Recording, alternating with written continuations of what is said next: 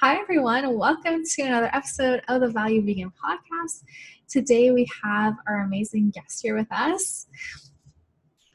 Welcome. I'm Jasmine from Sweet Simple Vegan. Thank you for having me. Thank you for being here. Um, so, you are an awesome vegan influencer and you've really had an amazing experience with the vegan journey. So, we're really excited to have you here with us. Um, so, to start off with, why don't you just tell us a little bit more about your journey and how you ended up going um, to this plant based lifestyle? Okay, so it's a little bit of a story. but it started when I was around 18 years old. So I had moved away um, for college. It was the first time I had been away from home. And it was kind of a rough time for me. I had a really hard time socializing, um, balancing school with that, and I don't know, just taking care of myself and being on my own. And eventually, um, some way or another, I fell into an eating disorder. And that was like one of the hardest years of my life. And um, within that, I was looking into dieting constantly and I was trying to figure out a way to lose weight. And that's actually how I found the vegan diet. Initially, for me, it was just a weight loss thing. And so I stumbled upon some YouTubers and I decided to try veganism just for the heck of it, just to lose weight. And um, initially, I failed. Um, I tried to do it overnight multiple times and it really was hard for me. I tried to go raw vegan overnight and that was extremely difficult. Um, but some way or another along that that journey I had there, um, I discovered veganism, and I like in the light of the ethical reasons and mm. the environmental reasons, and then eventually the health reasons of going vegan. And I realized that it wasn't just a diet. Mm. And so I just started educating myself more. I was really interested in it because I didn't even know what vegan meant. I knew what vegetarian meant. I thought it was the same thing. So I started learning more about it and I just started to realize that it was something that I wanted to pursue and I felt like it was something that was calling my name. I was constantly thinking about myself, thinking about my appearance, um, thinking about making friends and that sort of thing. And I realized that instead of always thinking about myself and focusing my time and energy on me, I could be doing something much more positive and impactful uh, with my time and my energy and my focus. And I shifted that and I started focusing on the animals, the environment, and not only my health, but the health of those around me, my friends and family, and anybody that I could share the information with. So I became really passionate about veganism, and it really helped me eat, um, heal my eating disorder. Mm. Um, it's because I just had a new perspective on life and a new perspective on health. And um, yeah, so that's how I went vegan. It took a while. Um, I couldn't do it overnight. I had to do it slowly because I was like like I was saying, I kept trying to do it right like all the way and I kept failing. Mm-hmm. And so I realized that slowly but surely was the way that I was going to be able to do it sustainably. And here I am today 7 years later. Wow. That's awesome. and that's so funny that you tried to go raw vegan overnight because I know that that's super kind of extreme. Yeah, I was yeah i was living in a dorm room too with two other people and it was it was not a good time right so is is it kind of your recommendation then to go more at your own pace and if and to kind of adjust more rather than trying to go all in at once yeah totally. I mean i know the end goal is to be 100% vegan and it's the most beneficial for your health the environment and the animals but if you need to take the time to eliminate things slowly and add more plant-based foods in slowly and introduce yourself to the foods that way by all means like that i think that's the way to do it most efficiently for most people. I know people mm-hmm. who have done it overnight props to them but like i don't have the strength to do that and um, yeah so i would recommend just doing it slowly if it's necessary there's nothing wrong with that i love it you're right there's and there's nothing wrong with that and i think sometimes like in kind of the vegan community, there's almost this like pressure to be like the perfect vegan overnight. Totally. And that's, and yeah. that's kind of, it kind of like alienates people from really wanting to like call themselves vegan because they're like, well, I'm not perfect. Like the other day, there was like exactly. a bit of cheese on this thing I had. yeah, and I feel like it um may have the opposite effect. It may deter people from wanting to go vegan because they feel like they can't achieve that sense of perfection so that's why I try to tell people just do the best you can. And like a lot of my family members have, they're not vegan, but they've made strides to eat more plant based, and it's amazing for their health and the environment. And they're doing good things. They're doing the best they can. Mm-hmm. Awesome. So you mentioned like kind of going from this focus of going vegan for your health and then really learning more about how it can benefit people other than yourself as well and and mm-hmm. realizing mm-hmm. the impact it can make. So tell us a bit more about how you started to shift into really knowing more about the impact that it has on the planet and on animals and and how more people because a lot of people go vegan for the health benefits at 1st mm-hmm. or it's kind of almost seen as like a diet by some people to lose weight and things like that so how can people like that kind of start transitioning into more seeing the bigger picture of the impact the two big things that um, helped me were the earthlings documentary on youtube and then cowspiracy just because it it was laid out so easily and like it's visual thing. So i was able to learn so much from those things and then i guess explore more of um, the information that they had shared there. So I, I think that those could really help people. And they're they're two documentaries that people always recommend in terms of like how to go vegan or what can motivate people to go vegan. So those are the two things that helped me. And then on the cowspiracy website they actually have so much information on the environmental impact of um, animal agriculture and why plant-based diet is better for the environment so if people are looking mm-hmm. for more mm-hmm. information they have a lot there mm-hmm.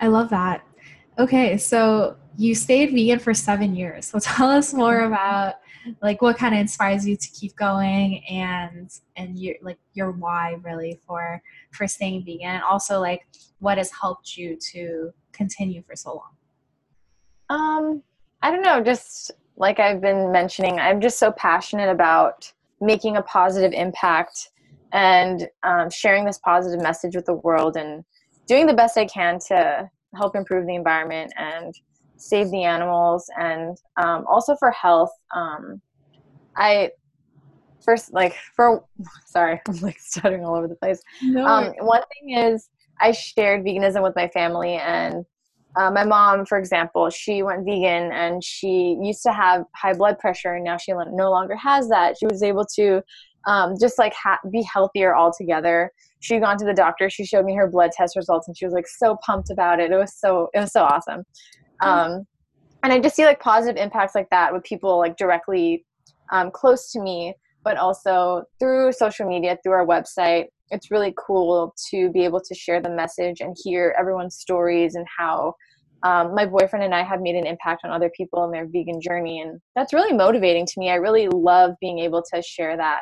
And mm-hmm. when I first went vegan, I didn't have, I didn't have this sort of like mentor or um, I didn't have like an example to live by. I kind of, I kind of felt like I was all over the place. Um, it was seven years ago and i feel like vegan wasn't as widespread. There wasn't as much information online on social media and that sort of thing.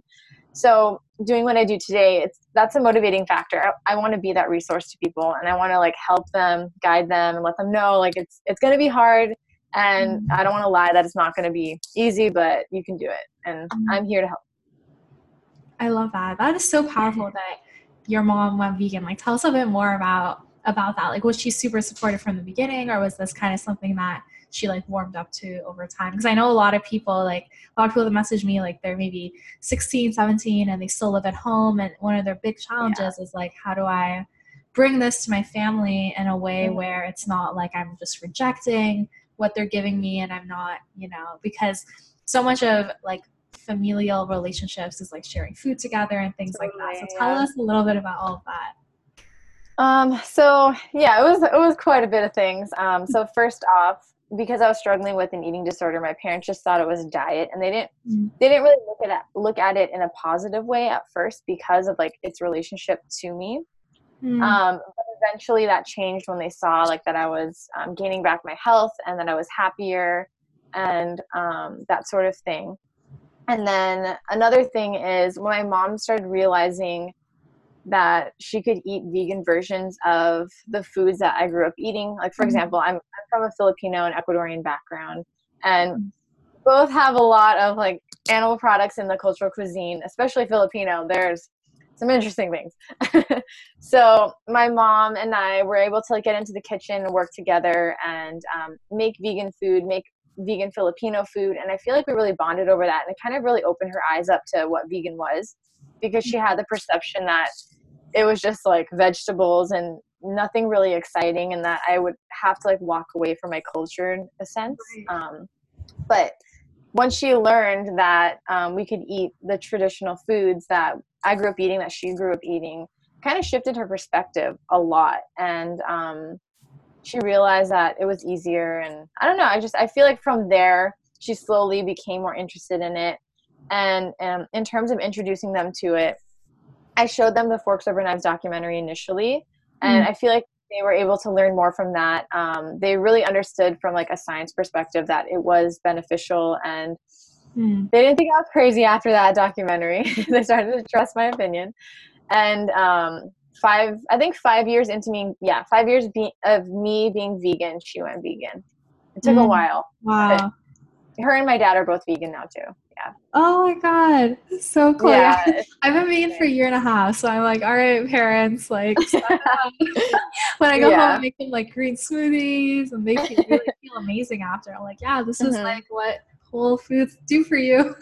Yeah, but I come totally. from an Iranian background too, and like in the Middle East, there's like so much meat, and yeah, it's like so ingrained in the culture. So totally definitely yeah. like an interesting point so were you able to to create kind of more filipino like recipes in, in yeah. a way or how how did you do that yeah um, so my mom and i were able to veganize a bunch of um, entrees and we even had some desserts that we veganized and mm-hmm. actually have an ebook where um, i collaborated with my mom and then my boyfriend collaborated with his mom and we veganized things we grew up eating. So he um, comes from an Italian background, so they made vegan mm. Italian food, and then my mom and I made vegan Filipino food.